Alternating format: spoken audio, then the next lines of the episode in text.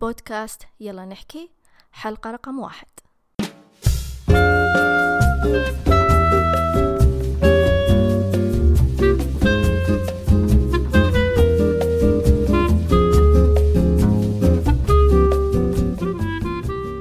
أهلا فيكم.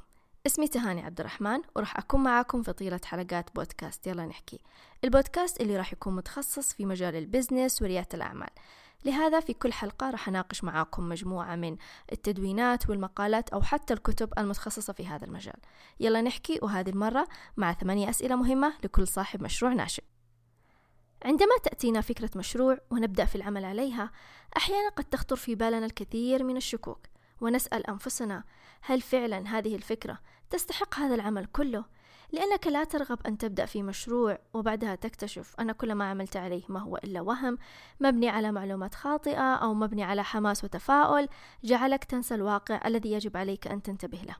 قبل فترة تم نشر تدوينة مفيدة على موقع ميديم بعنوان 80 question I ask every startup.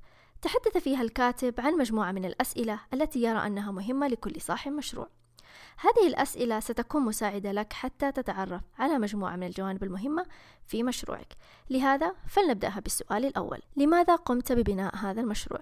قد يكون الجواب المتعارف عليه أن هذا المشروع مناسب للسوق أو أنه قد يحل مشكلة معينة.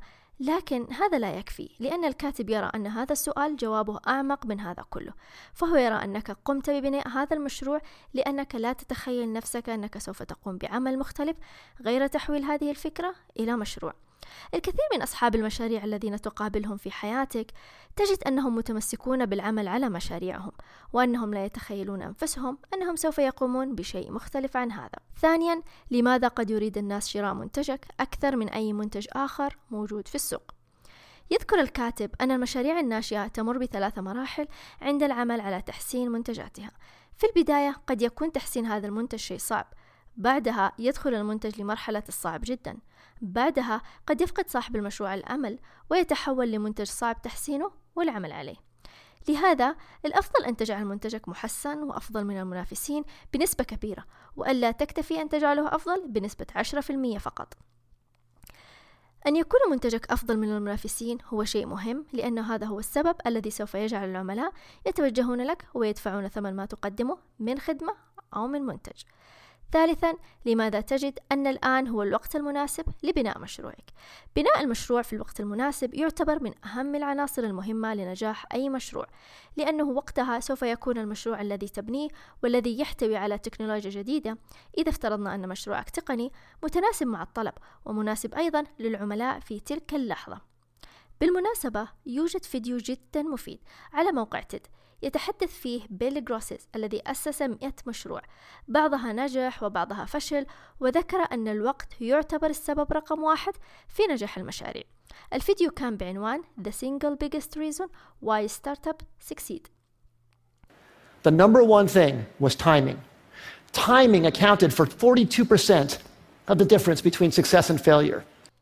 رابعا لماذا فريقك هو الوحيد الذي يمكنه القيام بهذا المشروع؟ ينبه الكاتب هنا على أهمية أن تكون متأكد أن فريقك يمتلك الإبداع والصبر والخبرة لبناء المشروع. قد يتحول فيما بعد لواحد من أكبر الشركات وأهمها في مجالك. لهذا أغلب المشاريع التي تجدها ناجحة يقف خلفها فريق رائع استطاع العمل والاجتهاد لخلق شيء مختلف. لهذا هل يملك فريقك هذه الإمكانيات؟ وإذا كان لا إذا حاول أن تبحث عن فريق آخر. خامسا لماذا لم يفكر أحد مسبقا في العمل على هذه الفكرة؟ في نهاية المطاف الأفكار كثيرة ويمكنك أن تجدها في كل مكان. لكن ما يميز إحداها عن الأخرى هي إمكانية تحويلها لواقع. لهذا اسأل نفسك هل فعلا تمتلك الموارد والإمكانيات المناسبة للعمل على هذه الفكرة؟ هل تحمل رؤية فريدة قادرة على جعل هذه الفكرة تتحول لواقع؟ قد تكون الأفكار الفريدة التي لا يتفق عليها الأغلب لجنونها أقل في المنافسة وهذه تعتبر نقطة إيجابية لصاحب الفكرة بعكس طبعا الأفكار الواضحة التي يمكن للجميع منافستك بها سادسا ما الذي سوف يجعل مشروعك أكثر قوة ويستمر في المنافسة مع مرور الوقت؟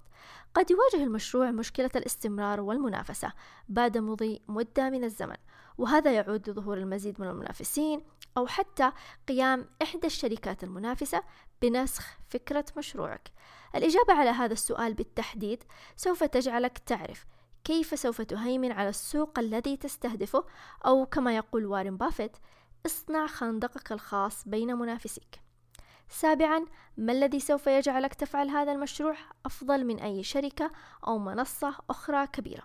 حاليا الكثير من المنصات التقنية الضخمة أمثل جوجل، فيسبوك، أمازون ومايكروسوفت تحاول أن تتجنب أن تكون نهايتها مثل شركة كودك. وقصتها معروفة بلا شك حيث أنهم يحاولون دائما الابتكار والبحث عن كل ما هو جديد وأن يسيروا في ركب التكنولوجيا الحديثة التي تظهر من فترة لأخرى.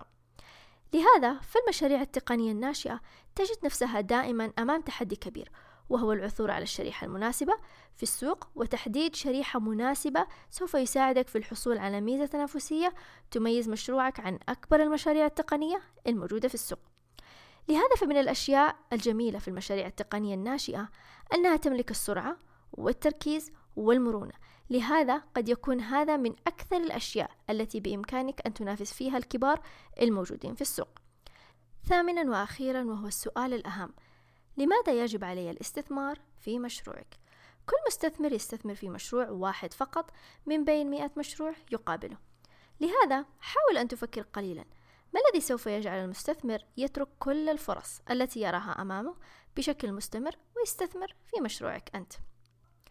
قد يعتقد البعض أن الإجابة على هذه الأسئلة أمر سهل لكن فعلا الإجابة على هذه الأسئلة هو ما سوف يجعلك تتمسك بمشروعك أكثر وتعرف فعلا إلى أين أنت متجه في هذه الرحلة الطويلة. في النهاية أتمنى للجميع مشاريع ناجحة وأن يكون هذا البودكاست مفيد لكم. سوف تكون الحلقة أيضا متوفرة على آيتونز للاستماع لها والتقييم والإستماع لباقي الحلقات أكيد. موعدي معكم في حلقة أخرى ويومكم سعيد.